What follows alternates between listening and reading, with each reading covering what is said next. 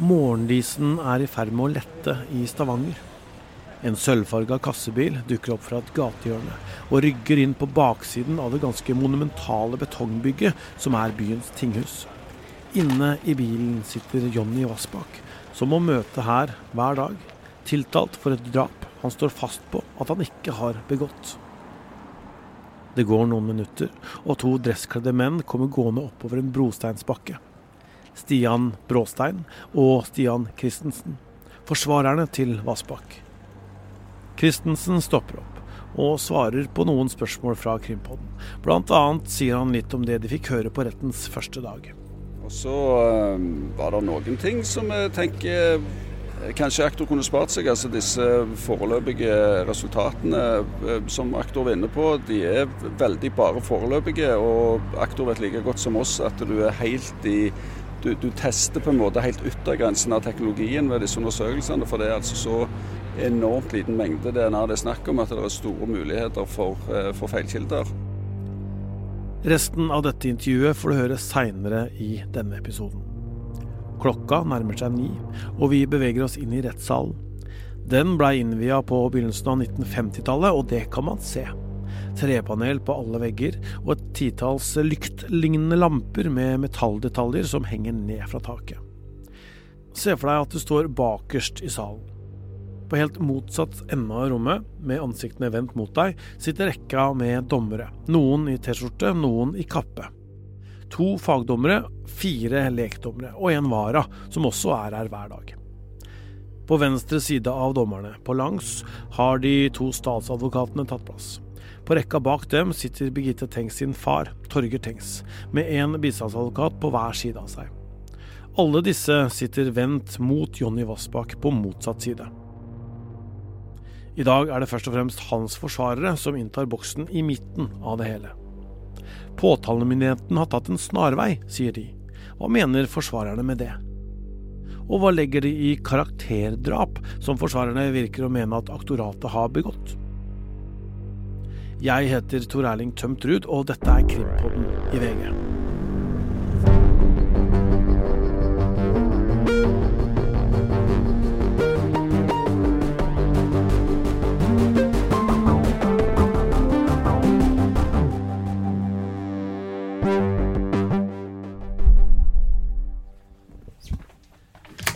Nok en gang går Øystein Milli og Ruth Einvoll Nilsen inn på et lite, kall det venterom.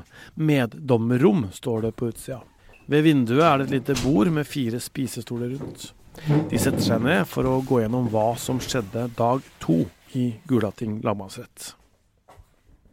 Påtalemyndigheten ble ikke helt ferdige med innledningsforedraget sitt i går, så de fortsatte i morges der de slapp i går ettermiddag. Og i løpet av det ja, kanskje første kvarteret som eh, statsadvokat Tale Tomseth fikk, så nevnte hun at eh, siden sist så har Jonny Vassbakk fått en slags, eh, ja, kall det straffereaksjon. Ja, det var jo overraskende, og det kom veldig sånn litt bardust på, ut av det blå.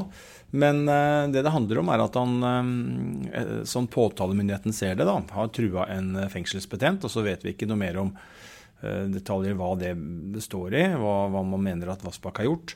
Eh, men det som ble sagt, var at han har fått en såkalt påtaleunnlatelse. Og at den ikke er rettskraftig. Og det innebærer bare så det er sagt, at en, en påtaleunnlatelse er at påtalemyndigheten mener at det er begått en straffbar handling. De mener at du kan straffes for det.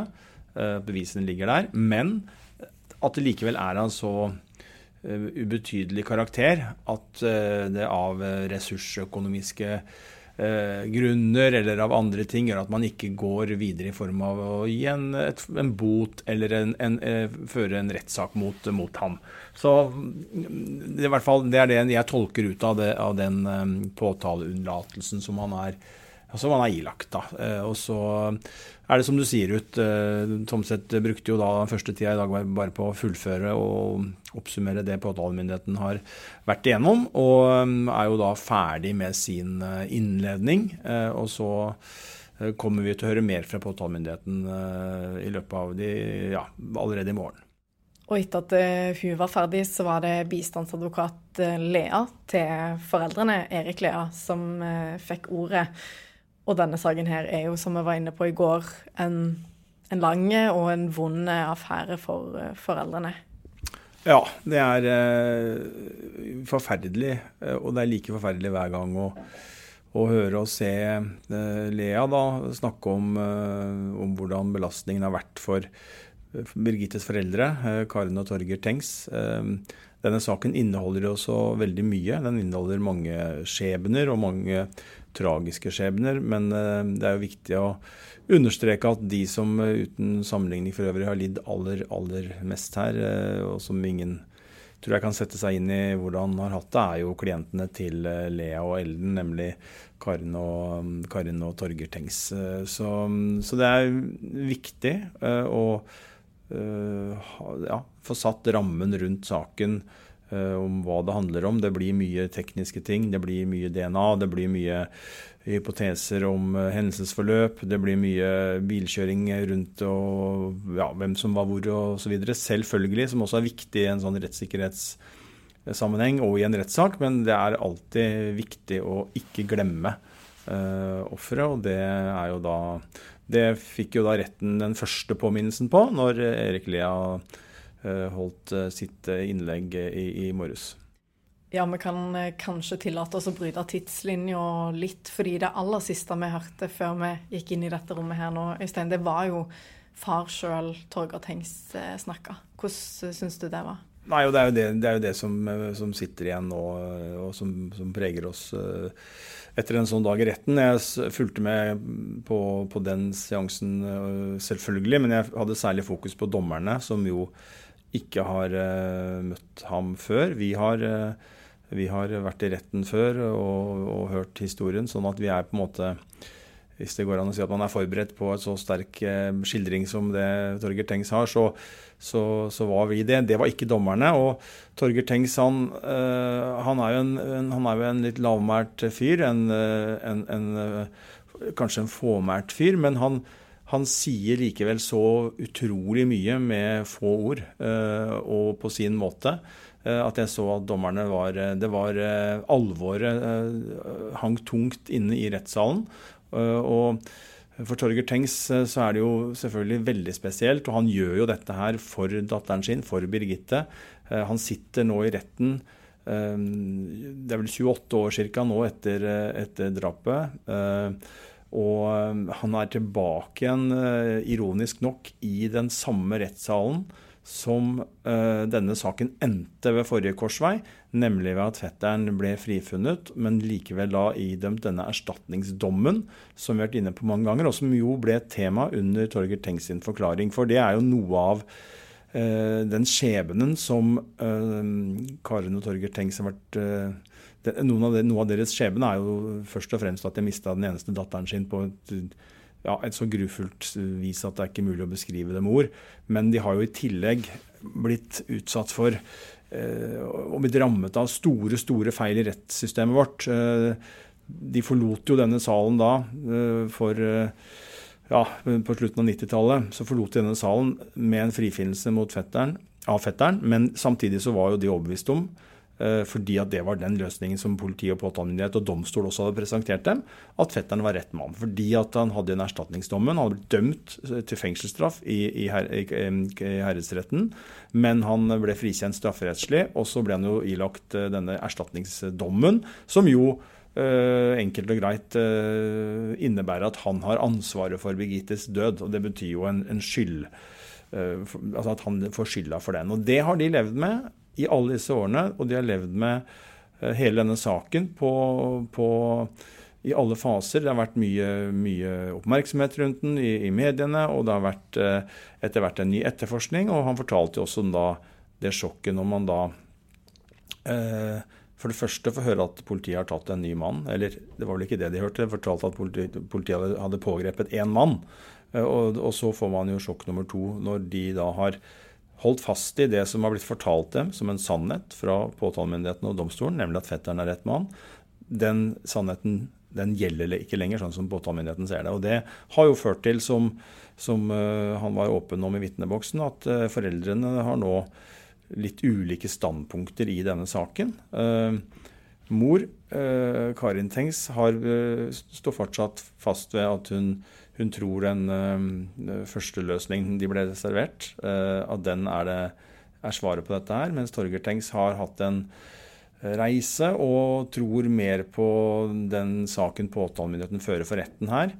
Men eh, sånn som vi tolka hans vitnemål, så er han jo ikke Selv om Vassbakk nå ble dømt i eh, tingretten, og eventuelt om han skal bli dømt her, så tror jeg fortsatt ikke at Torger Tengs uh, mener at han har fått et svar. For han snakker fortsatt om at han gjerne vil ha et svar, og jeg tror at han for at han skal få et svar som han kan tro på, så tror jeg det, må mer til enn det som uh, man blir tilbudt her.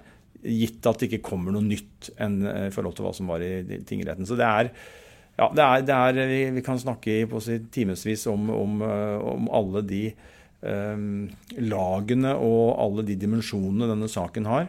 Men, men som sagt, noe, altså det som er det aller, aller viktigste, det er jo da mor og far Tengs og deres tap av en datter og, og deres eh, ja, smertefulle ferd gjennom eh, en prosess, og sorg, sorgprosessen selvfølgelig, men også da den rettsprosessen som eh, fortsatt pågår. Og Vi kan jo avslutte det med å høre hva den andre bistandsadvokaten Jon Christian Elden sa på vei inn i retten i dag. Nei, Det er en vanskelig for han å være her. Eh, det er den samme rettssalen hvor han møtte i 1998, eh, da fetteren ble dømt og politiet da også var helt sikker på hvem som var gjerningsmann. De tar det med litt mer klippe salt denne gangen og håper at de får noen svar.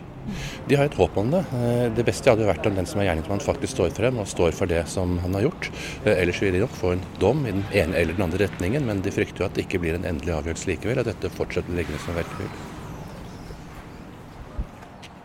Og mesteparten av dagen i dag har gått eh, med til å høre på forsvarende Stian Bråstein og Christensen eh, sine kommentarer til det som ble sagt i går, og, og peke framover på, på, hvordan denne saken kommer til å bli for deres del. Og jeg opplevde det som om de kom i forkjøpet, egentlig, det meste som kommer til å bli brukt mot Jonny Vassbakk i, i løpet av de neste ukene. Ja, de er jo veldig opptatt, og det kommer til å bli et tema som går igjen i denne saken hele veien, helt fram til det blir en dom.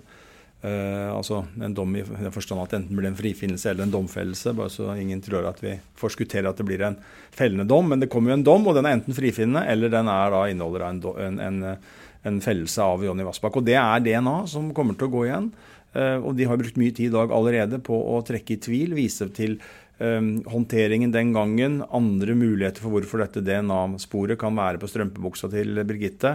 Um, og vi har hørt om rekonstruksjoner som det har vært en ganske sånn uh, lang utveksling uh, mellom påtalemyndighet og forsvarere om helt fram til ja, på forsommeren og nesten helt fram til vi står her nå, hvor man har hatt ønske om å ha en sånn taktisk rekonstruksjon for å uh, bl.a. se på dette med oversmitt og hvordan DNA kan flytte seg, og se om det finnes andre forklaringsmodeller enn det påtalemyndigheten tilbyr retten. For det er jo hele prosjektet til forsvarsadvokatene er å så tvil, peke på muligheten for feilkilder, som eh, gjør at Jonny Vassbakk ikke har avsatt en DNA-spor eh, DNA på strømpebuksa i forbindelse med en drapshandling. At det må ha kommet dit på, annet, på en annen måte. Eh, den rekonstruksjonen ble det jo ikke noe av.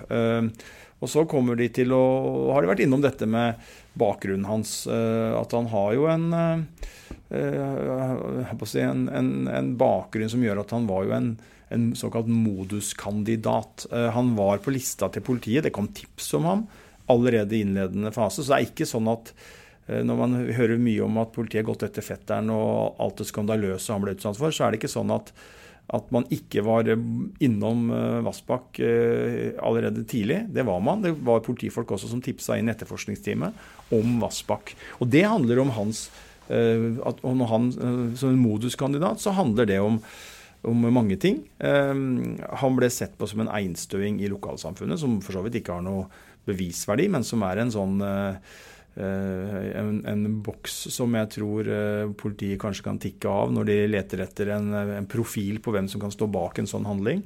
Men mer interessant var jo dette allerede da, og som det fortsatt er nå, og som forsvarerne har kommet litt i forkjøpet og snakka litt om, er jo de dommene han har.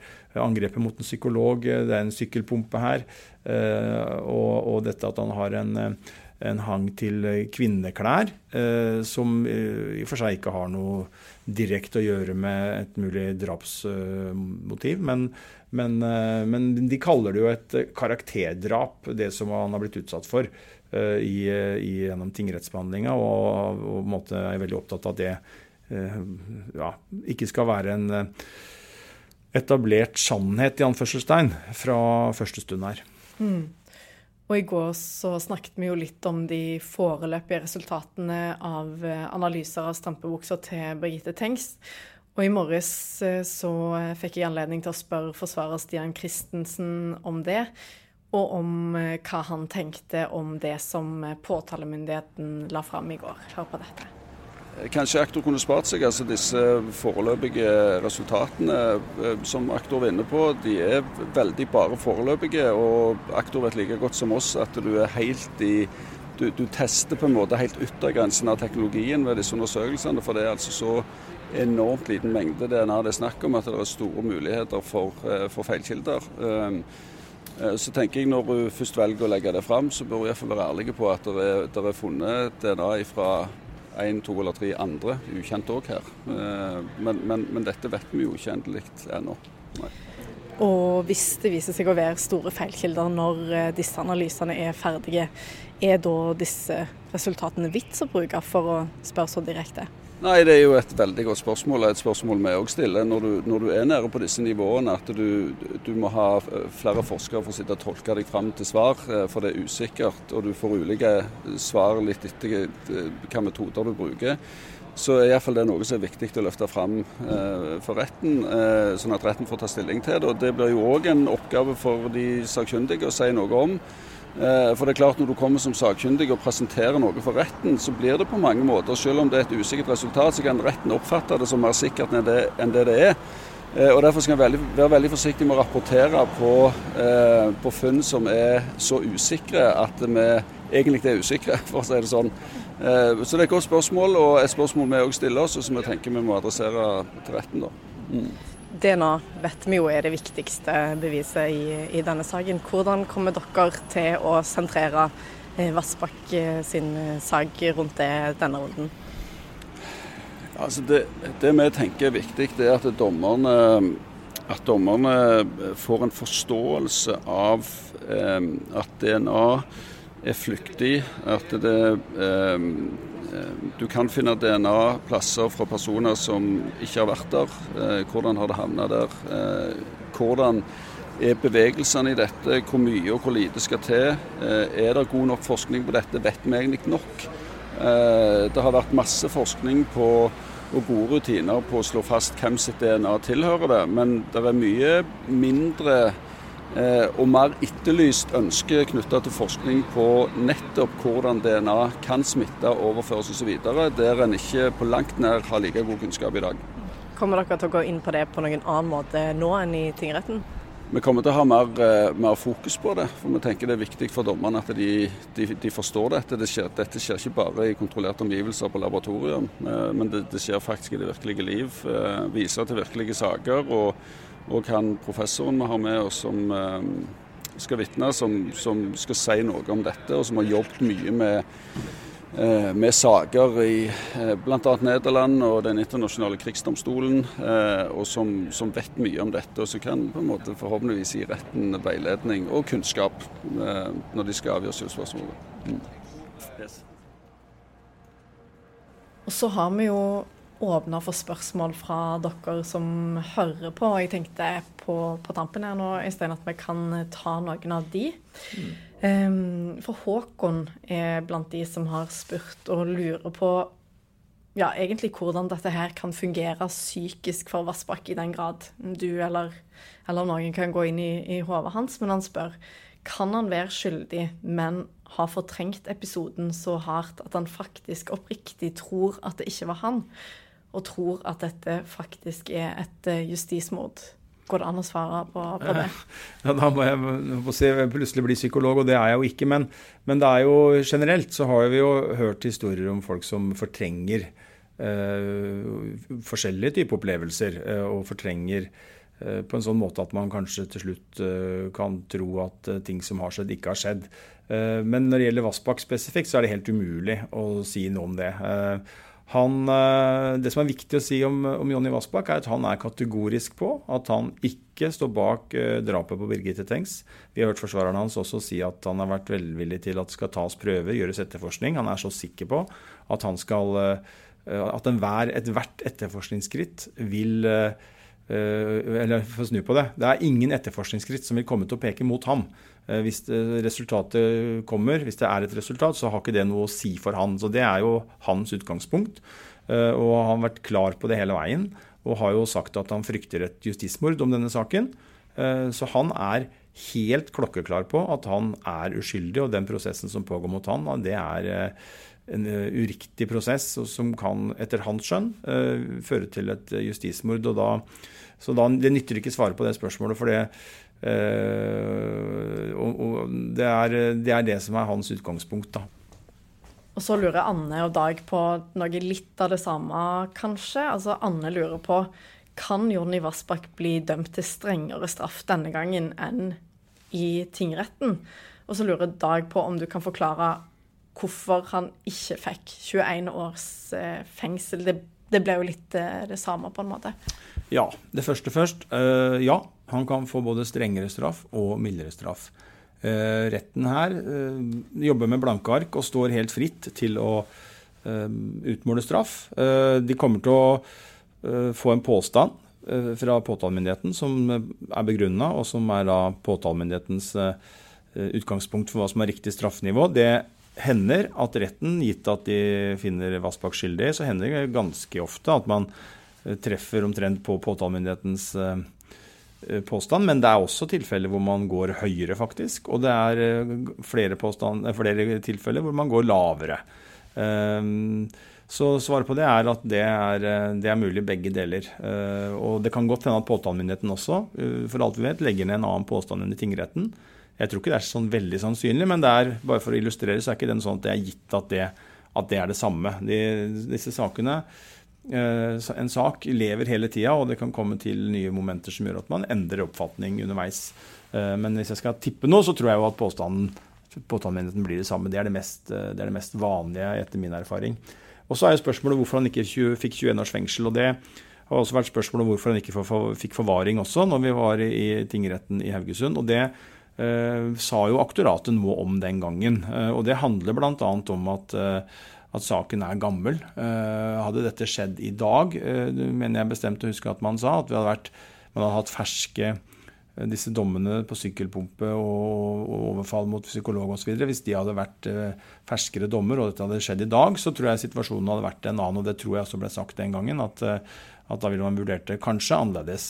Men det handler bl.a. om at saken er gammel, og at uh, man da ja, har uh, valgt å falle ned på den, uh, på den løsningen der. og det, her er det jo ikke noe er, når det gjelder disse tingene, så er det ikke noe sånn Det er ikke noe mye regelverk eller noe sånn 'sånn må det være' eller 'sånn må det være'. Dette er jo skjønn uh, i mange tilfeller som aktoratet må utøve, og som de da har gjort uh, her som i andre saker. Um vi rekker kanskje ett siste spørsmål fra Tine, så får vi ta litt mer i morgen. Hun lurer på om Jonny Vassbakk har sittet i varetekt mens han har venta på, på, denne ankesaken. Ja, Jonny Vassbakk har sittet i varetekt siden han ble pågrepet for eh, ca. to år siden. Uh, først uh, på vent av tingrettsbehandlinga, og så har han da sittet i fengsel etter den fordi han ble dømt til en fengselsstraff. Og så får han en endelig dom nå. og det eneste måten han kan bli en eh, fri mann på, det er jo at han blir frikjent her i lagmannsretten når eh, vi kommer dit. Og i morgen er det torsdag og ukens eh, siste rettsdag. Hva er det som skal skje da? Da skal jo Jonny Vassbakk starte på sin forklaring, og det er jo selvfølgelig knytta spenning til det. det er ingen tegn til at han skal, eller forvarsler om at han skal si noe annet, komme med noe nytt ut eller endre på noe eh, nå. Men eh, det er likevel alltid spenning knytta til det. fordi at han skal nå forklare seg, og det er en omfattende forklaring han skal gi. Det er satt av to dager. Det er jo da, som du sier, Ruth, i morgen. Og så er det jo mandag som er neste rettsdag, og da skal han fortsette. Så det, så det er en forklaring vi er interessert i, og som vi avventer med interesse og, og vil følge tett for å, for å se hva Vassbakk har å fortelle retten denne gangen. Vi fortsetter med å svare på spørsmål hvis dere har flere. Skriv til oss på Instagram eller Facebook, bare søk opp Krimpodden der, eller send oss en mail på krimpodden at vg.no. I morgen er det ukas siste rettsdag, så da kommer vi med enda en episode. Men den kommer ikke ut tidlig på morgenen, men på ettermiddagen etter vi har vært i retten. Det er Ruth Einevold Nilsen og Øystein Milli som følger saken i Stavanger denne uka. Redaksjonen vår består også av Hanna Espevik, produsent Vilde Våren, nyhetssjef Emilie Hall Torp og jeg, Tor Erling Tømterud.